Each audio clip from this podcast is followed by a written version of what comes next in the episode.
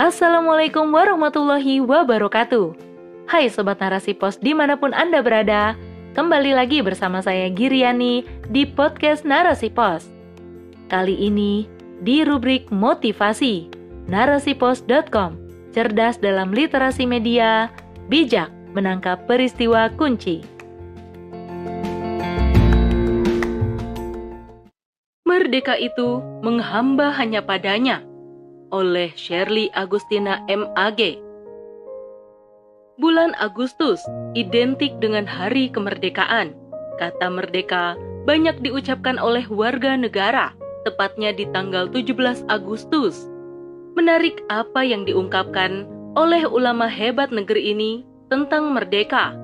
Mari kita berpahit-pahit, kaum muslimin belum pernah merasa puas dalam kemerdekaan negeri ini kalau kewajiban menjalankan syariat Islam dalam kalangan pemeluknya seperti tercantum dalam pembukaan Undang-Undang Dasar 1945 belum menjadi kenyataan.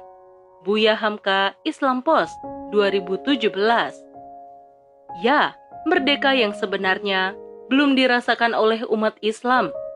Kata merdeka menurut Kamus Besar Bahasa Indonesia, yaitu bebas dari penghambaan, Merdeka sesungguhnya yang dimaksud adalah bebas dari penghambaan apa pun selain Allah.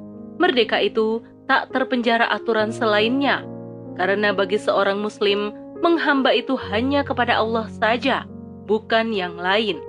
Allah Subhanahu wa Ta'ala berfirman yang artinya, "Dan Aku tidak menciptakan jin dan manusia, melainkan supaya mereka mengabdi atau beribadah kepadaku." Quran Surah Az-Zariyat ayat 56. Kata Ya'budun berasal dari kata abdun yang secara bahasa artinya hamba. Ya'budun adalah bentuk fi'il mudhore, yaitu kata kerja sedang atau akan yang artinya menghamba atau seorang hamba beribadah. Beribadah yang dimaksud tentu kepada Allah bukan yang lain, menjadikan hanya Allah saja yang layak disembah. Di dalam tafsir Ibnu Kasir dijelaskan, Ali Ibnu Abu Tolha telah meriwayatkan dari Ibnu Abbas radhiyallahu anhu, melainkan supaya mereka menyembahku.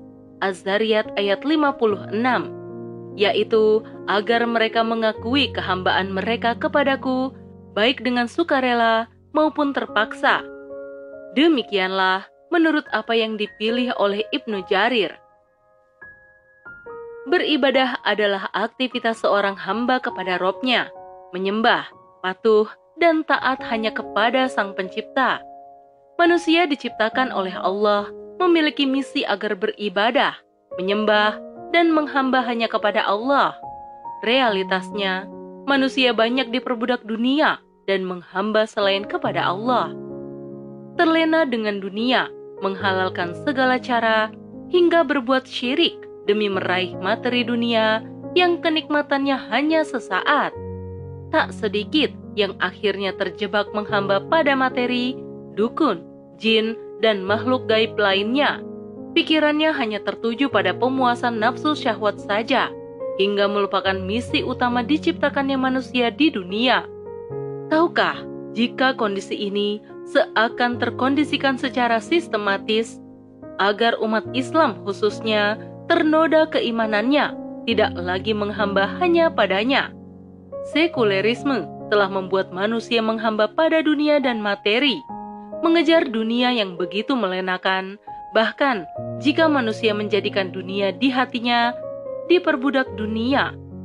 Akhirnya, lupa pada tujuan hidupnya di dunia dan kewajiban berdakwah. Seperti yang pernah dicontohkan baginda Nabi Shallallahu Alaihi Wasallam dan para ulama setelahnya. Maka harus ada umat Islam yang sadar akan realitas yang buruk ini, lalu berupaya untuk mengubahnya. Paling tidak, secara pribadi jangan terjebak oleh sistem yang merusak akidah umat. Wahai umat Islam, sadarlah dengan segala tipu daya dunia yang melenakan. Kita punya tujuan, berharap suatu saat bisa bertemu dengan Allah. Oleh karenanya, di dunia harus benar dalam beribadah dan menghamba. Menghamba yang sebenarnya hanya akan terwujud jika syariatnya diterapkan. Suasana yang ada yaitu suasana keimanan dan saling mengingatkan di jalan Allah. Jika dikaitkan dengan kata merdeka, kondisi umat Islam saat ini belum benar-benar merdeka. Karena kemerdekaan yang hakiki ialah ketika seorang hamba hanya menghamba pada Allah saja. Lalu, ingin diatur oleh syariat Allah karena syariat ada untuk kemaslahatan dunia secara global. Jika faktanya syariat belum diterapkan, maka berupayalah agar penerapan syariat segera terwujud di muka bumi. Bukankah memang dunia itu tempat berlelah-lelah bagi seorang mukmin? Maka janganlah merasa lelah untuk terus berjuang mewujudkan kemerdekaan hakiki, yaitu menghamba hanya padanya dengan penerapan syariatnya. Sejatinya, tempat istirahat yang paling indah bagi seorang mukmin adalah surganya tempat yang Allah janjikan bagi hambanya yang patuh dan taat pada syariatnya. Dakwah adalah aktivitas untuk mewujudkan penerapan syariat agar kemerdekaan hakiki bisa diraih. Dakwah yang mengingatkan kita pada jalan pulang ke kampung halaman, akhirat yang kekal abadi. Dalam perjalanan ini, pastilah tidak mudah, penuh onak, duri, dan melelahkan benarlah apa yang diungkapkan oleh seorang ulama besar, Ibnul Qayyim rahimahullah. Semua orang yang berakal bersepakat bahwa kenikmatan tidak dapat diraih dengan kenikmatan. Wallahu a'lam bishawab. Wassalamualaikum warahmatullahi wabarakatuh.